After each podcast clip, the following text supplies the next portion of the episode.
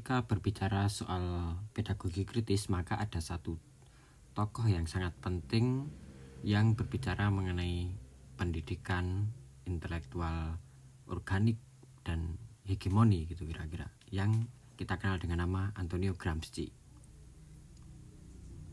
Apa yang akan saya paparkan di sini adalah eh, pemikiran-pemikiran uh, dari seorang penulis pendidikan informal gitu ya namanya adalah Barry Burke gitu ya yang tulisannya ini diterbitkan pada sekitar tahun 99 dan 2005 gitu ya. Dengan judul asli tulisannya adalah Antonio Gramsci Schooling and Education. Antonio Gramsci yang hidup pada tahun 1891 sampai 1937 adalah seorang Marxis Italia terkemuka dia adalah seorang intelektual, jurnalis, dan ahli teori yang menghabiskan 11 tahun terakhirnya di penjara pada masa rezim Mussolini. Selama dalam penjara, ia menyelesaikan 32 buku catatan yang isinya itu hampir 3000 halaman gitu ya. Buku catatan ini kemudian diselundupkan dari penjaranya dan diterbitkan pada tahun 1970-an gitu ya dalam bahasa Italia tema sentral dari catatan hariannya atau yang kemudian mungkin terkenal dengan nama The Prison Notebook gitu ya. Uh, adalah mengenai pengembangan teori Marxis baru yang dapat diterapkan pada kondisi kapitalisme pada masa hidup Gramsci gitu ya Gramsci sendiri lahir pada sebuah kota kecil di Pulau Sardinia gitu ya jadi di sekitar uh, Italia gitu ya di pulau-pulau Italia pada tahun 1891. Dia adalah salah satu dari tujuh bersaudara. Dia merupakan satu dari sedikit keluarga minoritas di pulau tersebut yang bisa membaca dan menulis gitu ya. Karenanya ya kemudian dia berhasil menulis, terus kemudian sekolah dan memenangkan beasiswa ke Universitas Turin. Pada masa Gramsci hidup, Italia itu juga seperti sekarang gitu ya yang kemudian negaranya terbagi antara Italia Utara dan Italia Selatan. Italia Selatan sendiri syarat dengan uh, geografisnya pedesaan terus kemudian banyak petani buta huruf dan sebaliknya di Italia Utara industrialisasi itu justru eh, lebih berkembang dengan pesat gitu ya yang kemudian uh, ada kelas pekerja yang terorganisir dengan baik dan sadar politik Artinya antara Italia Utara dengan Selatan itu kontrasnya sangat besar, gitu ya. Turin sendiri telah digambarkan sebagai ibu kota industrial Italia pada masa Gramsci tiba di sana. Turin menjadi rumah bagi industri paling maju di Italia dengan berbagai macam pabrikan mobil seperti Fiat gitu ya contohnya kalau yang mungkin sangat terkenal sampai hari ini. Terus kemudian pada masa akhir Perang Dunia Pertama, dominasi populasi warga Turin ini 30% pekerja industri dan 10% tentara. Sisanya ya pekerjaannya amat beragam gitu ya. Nah, dua populasi besar ya, yakni pekerja industri dan tentara ini yang kemudian mewarnai gagasan-gagasan Gramsci gitu ya. Pekerja yang terorganisir di Turin punya sejarah yang sangat agresif selama 20 tahun pertama abad 20 berlangsung demonstrasi yang tak terhitung jumlahnya dan sejumlah pemogokan umum. Hingga pada akhirnya tahun sekitar 1919 dimulailah gerakan pendudukan pabrik dan pembentukan dewan pabrik untuk menjalankan organisasi atau dan pemogokannya ini gitu ya. Nah, suasana-suasana seperti pemogokan, demonstrasi gitu ya kira-kira yang kemudian menyambut Gramsci ke kehidupan universitas dan berimpact atau punya pengaruh terhadap pemikirannya selama hidupnya setelah dari universitas gitu ya kira-kira. Gramsci sendiri telah menjadi seorang sosialis yang dia juga sering membaca pamflet yang sering dikirim ke Sardinia gitu ya dari Italia daratan oleh seorang kakak laki-lakinya. Pemikiran politiknya diperluas dengan pengalamannya di universitas dan di kota kelahirannya apa yang akan dikembangkan Gramsci kemudian bukan hanya kemampuan untuk menyebarkan dan mengatur aktivitas politik. Gramsci sendiri menjadi ahli teori Marxis pertama yang bekerja dengan masalah-masalah perubahan revolusioner dalam masyarakat Eropa Barat abad ke-20 dan orang pertama yang mengidentifikasi pentingnya perjuangan melawan nilai-nilai borjuis yaitu perjuangan ideologis atau budaya gitu ya kira-kira. Arti penting Gramsci untuk pendidikan informal terletak pada tiga bidang. Yang pertama, eksposisi tentang gagasan hegemoni yang memberi kita cara untuk memahami konteks di mana pendidik informal berfungsi dan kemungkinan kritik dan transformasi dari orang-orang yang bergerak dalam bidang pendidikan informal. Kedua, perhatiannya pada peran intelektual organik memperdalam pemahaman kita tentang tempat pendidik informal. Terakhir, ketertarikannya pada sekolah dan bentuk pendidikan yang lebih tradisional menunjukkan perlunya untuk tidak mengabaikan bentuk yang lebih tradisional itu tadi gitu ya. Yang artinya tradisional itu yang dimulai dari praktik hidup sehari-hari dalam suatu masyarakat.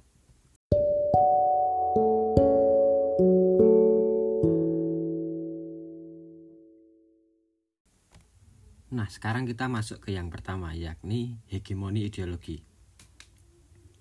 Gramsci mengadopsi analisis kapitalisme yang diajukan oleh Marx pada abad sebelumnya dan menerima bahwa perjuangan antara kelas penguasa dan kelas pekerja atau subordinat adalah kekuatan pendorong yang menggerakkan masyarakat ke depan.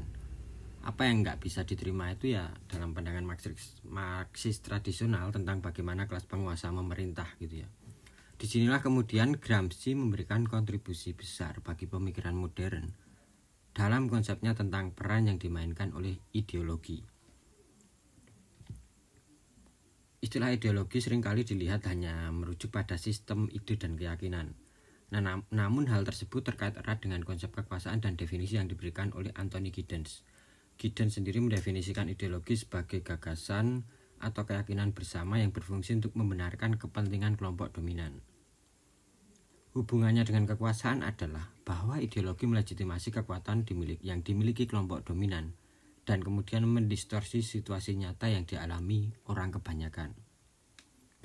Teori kekuasaan Marxis tradisional sangat sepihak yang didasarkan pada peran kekuatan dan paksaan sebagai dasar dari dominasi kelas yang berkuasa. Hal ini diperkuat oleh Lenin yang pengaruhnya mencapai puncak gitu ya ketika dia berhasil melakukan revolusi Rusia pada tahun 1917. Gramsci merasa bahwa apa yang hilang adalah pemahaman tentang bentuk-bentuk kontrol dan manipulasi ideologis yang halus, yang subtil gitu ya. Tetapi tersebar luas dan berfungsi untuk mengabadikan struktur yang represif.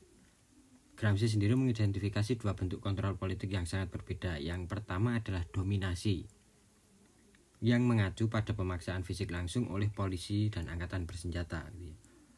Terus yang kedua hegemoni yang mengacu pada kontrol ideologis yang lebih penting yakni bahwa ada semacam konsen bahwa orang sepakat orang merasa bahwa sesuatu itu normal nggak bermasalah gitu ya. Gramsci berasumsi bahwa tidak ada rezim terlepas dari seberapapun otoriternya rezim tersebut yang dapat mempertahankan dirinya sendiri terutama melalui kekuatan negara dan angkatan bersenjata yang terorganisir tadi itu gitu ya. Artinya dalam jangka panjang rezim tersebut harus mendapat dukungan dan legitimasi populer untuk menjaga stabilitasnya gitu kira-kira. Yang dimaksud Gramsci sendiri dengan hegemoni adalah e, menembus seluruh sistem nilai sikap kepercayaan atau moralitas masyarakat yang implikasinya muncul dukungan terhadap status quo dalam satu hubungan kekuasaan. Hegemoni dalam pengertian ini dapat diartikan sebagai prinsip pengorganisasian, kira-kira seperti itu, yang kemudian disebarkan melalui proses sosialisasi ke dalam setiap bidang kehidupan sehari-hari. Sejauh kesadaran yang ada ini diinternalisasi oleh penduduk, hal tersebut akan menjadi bagian yang umumnya itu disebut common sense gitu ya hingga pandangan budaya dan moralitas elit penguasa itu muncul sebagai tatanan yang dianggap benar dan alamiah. Ya itu ya seperti itu gitu ya.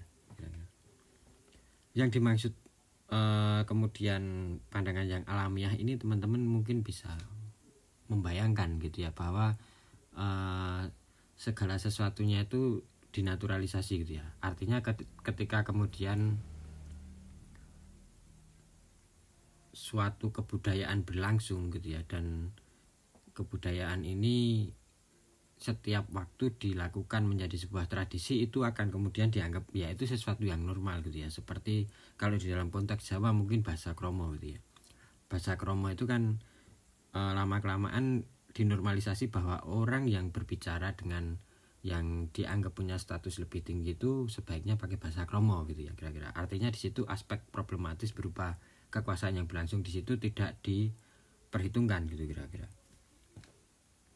Kemudian eh, terkait dengan Gramsci, pembagian dasar Mark mengenai masyarakat menjadi basis yang diwakili oleh struktur ekonomi dan supra, suprastruktur yang diwakili oleh institusi dan kepercayaan gitu ya. Itu yang kemudian dipersoalkan Gramsci. Gramsci mengambil langkah lebih jauh ketika dia membagi suprastruktur menjadi institusi yang terlalu memaksa dan yang tidak memaksa. Yang terlalu memaksa ini yang disebut dengan institusi yang koersif gitu ya yang pada dasarnya adalah institusi publik seperti pemerintah, polisi, angkatan bersenjata, dan sistem hukum yang kemudian mewakili negara atau masyarakat politik. Sedangkan yang non koersif atau yang tidak terlalu memaksa tadi itu adalah uh, seperti ya gereja, sekolah, serikat pekerja, partai politik, klub atau kelompok gitu ya, keluarga dan lain sebagainya yang kemudian dianggapnya sebagai masyarakat sipil. Jadi ada dua pembagian masyarakat politik dan masyarakat sipil. Sampai batas tertentu sekolah dapat dimasukkan ke dalam kedua kategori tersebut. Bagian dari kehidupan sekolah ya jelas bersifat memaksa gitu ya bahwa ada wajib belajar, ada kurikulum nasional, kemudian ada standar dan kualifikasi nasional.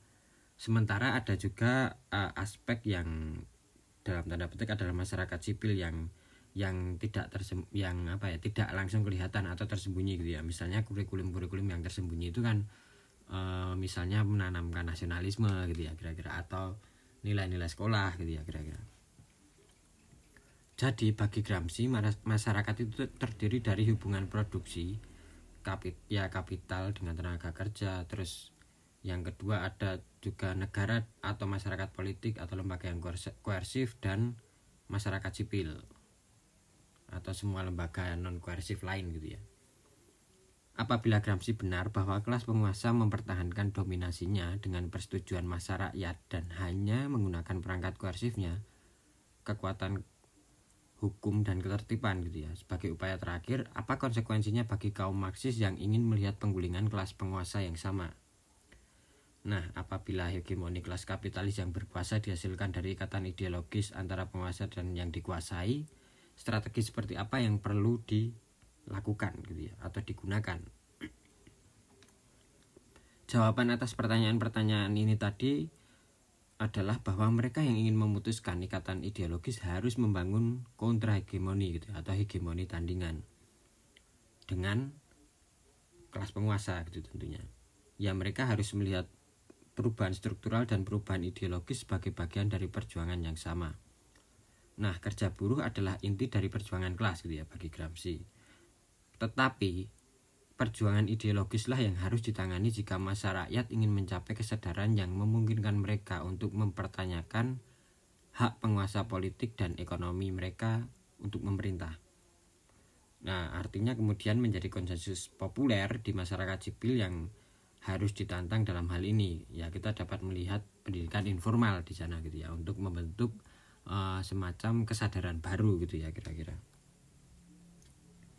Namun mengatasi konsensus populer ini nggak mudah gitu ya. Hegemoni ideologis berarti bahwa mayoritas penduduk itu menerima apa yang terjadi di masyarakat sebagai sebuah common sense atau uh, satu-satunya cara untuk menjalankan masyarakat.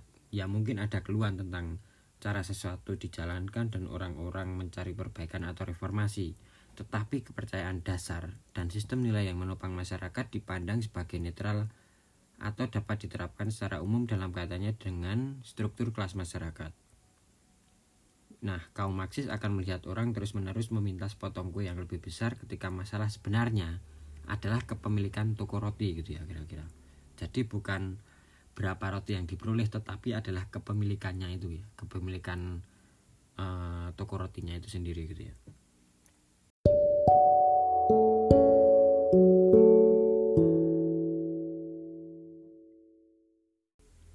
Selanjutnya yang kedua setelah tadi hegemoni ideologis adalah konsep kemudian yang disebut dengan intelektual organik gitu ya. Gramsci melihat peran intelektual ini sebagai salah satu yang krusial dalam konteks menciptakan kontrahegemoni atau wacana atau hegemoni tandingan gitu ya. Ia menegaskan bahwa transformasi dan kapitalisme ke sosialisme itu butuh partisipasi massa. Nggak diragukan lagi bahwa sosialisme itu dapat dihasilkan oleh sekelompok elit revolusioner yang kemudian berdedikasi yang bertindak untuk kelas pekerja gitu ya.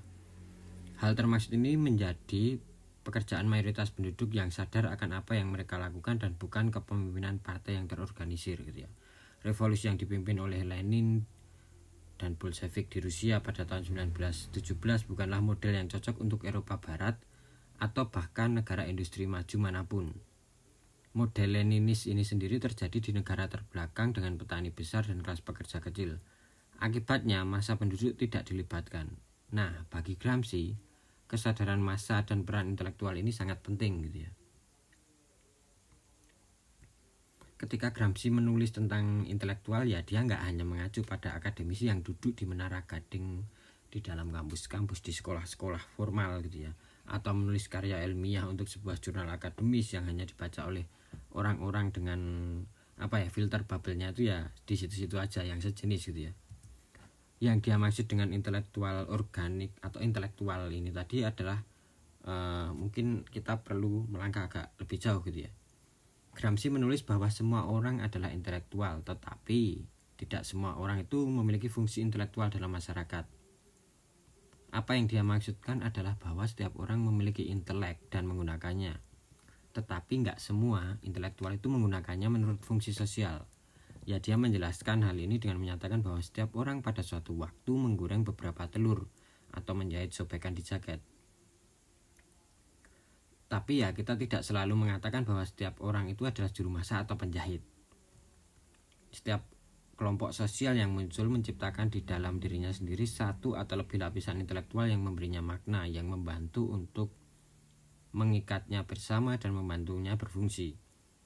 Mereka dapat berupa manajer, pegawai negeri, rohaniawan, profesor, dan guru, teknisi, dan ilmuwan, pengacara, dokter, gitu ya.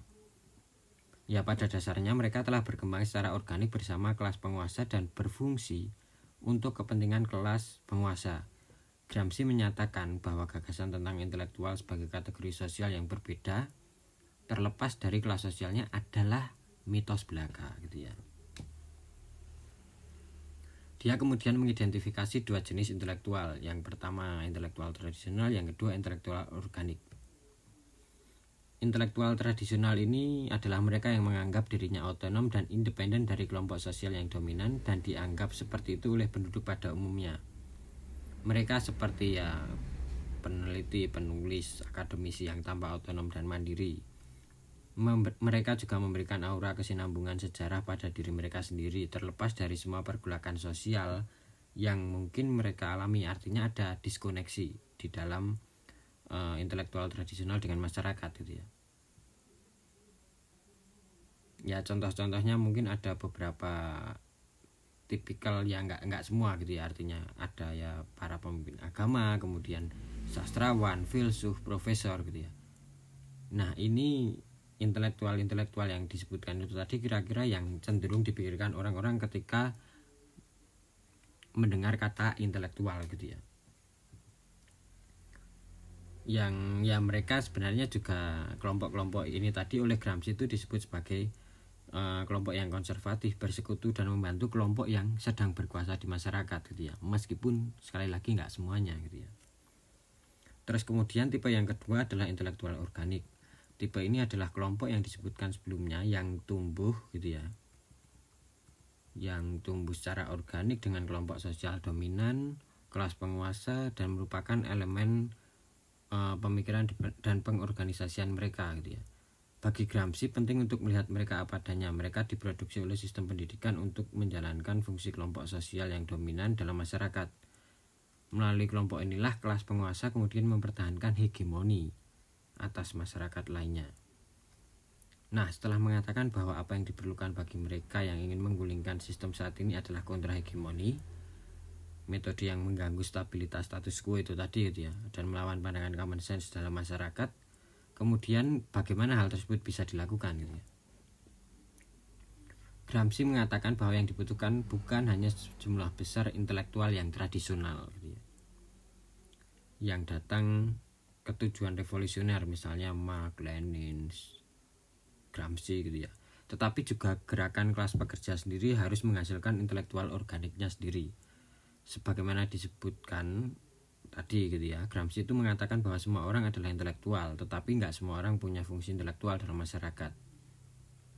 Gramsci kemudian juga melanjutkan dengan menunjukkan bahwa nggak ada aktivitas manusia yang darinya setiap bentuk partisipasi intelektual itu dapat dikecualikan dan bahwa setiap orang di luar aktivitas profesional khusus mereka menjalankan beberapa bentuk aktivitas intelektual dalam berpartisipasi dalam konsepsi tertentu tentang dunia dalam uh, punya memiliki garis perilaku moral yang sadar yang kemudian juga berkontribusi untuk menopang konsepsi dunia atau untuk memodifikasinya gitu ya yang yang artinya kemudian mampu untuk mewujudkan cara-cara berpikir yang baru gitu ya.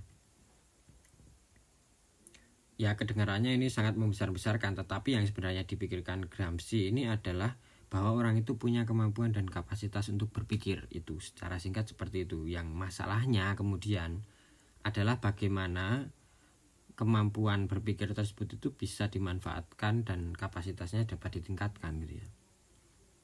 Gramsci melihat salah satu perannya sebagai pembantu dalam menciptakan intelektual organik dari kelas pekerja dan memenangkan sebanyak mungkin intelektual tradisional untuk tujuan revolusioner gitu ya.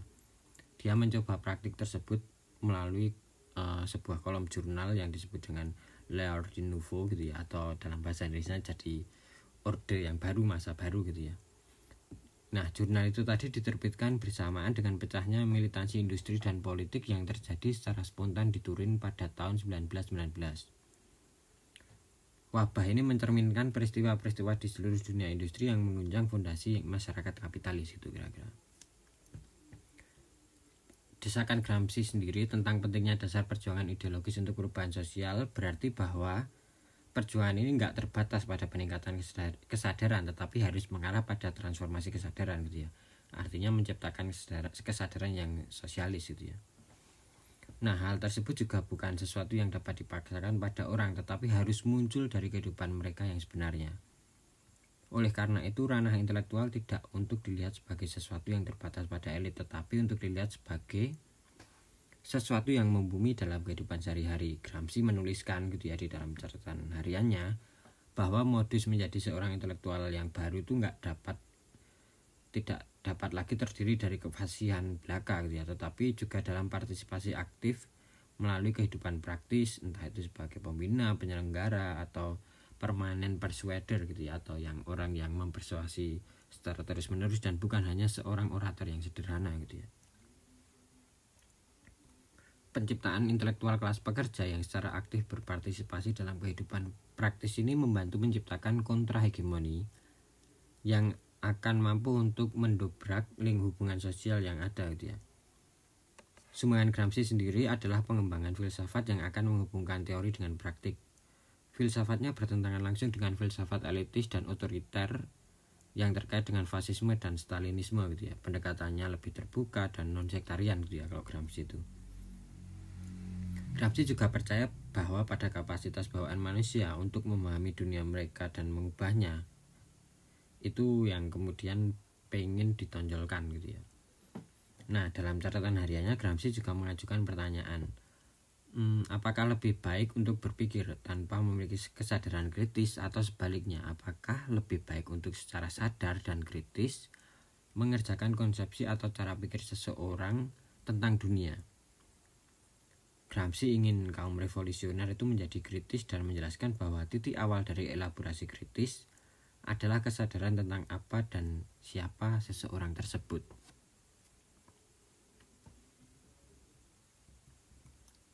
Peran pendidik informal dalam komunitas lokal terkait dengan gagasan Gramsci tentang perang intelektual itu yang kemudian uh, menjadi concern atau perhatiannya Gramsci gitu ya pendidik yang bekerja dengan sukses di lingkungan dan komunitas lokal memiliki komitmen terhadap lingkungan itu. Mereka itu tidak di sini hari ini dan pergi besok, tetapi mereka selalu tinggal di daerah itu dan memiliki banyak kesamaan dengan penduduk setempat atau mungkin ya juga enggak gitu ya. Yang penting itu kemudian adalah mereka mengembangkan hubungan dengan orang-orang yang bekerja dengan mereka yang memastikan bahwa ke mana pun mereka pergi mereka dianggap sebagai bagian dari komunitas atau bagian salah satu dari kami gitu ya. Mereka juga dapat berusaha untuk mempertahankan komitmen kritis orang-orang terhadap kelompok sosial yang punya kepentingan mendasar yang mereka miliki. Tujuan mereka tidak selalu untuk kemajuan individu tetapi kesejahteraan manusia secara keseluruhan. Kira-kira seperti itu untuk yang uh, intelektual organik ini gitu ya.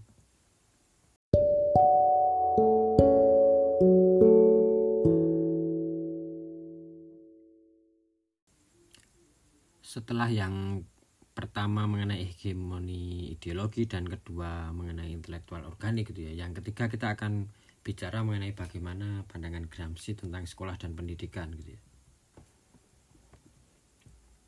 Bagi Gramsci, sekolah memainkan peranan penting tentang masyarakat modern gitu ya. Sistem sekolah hanyalah salah satu bagian dari sistem hegemoni ideologis di mana individu disosialisasikan untuk mempertahankan status quo.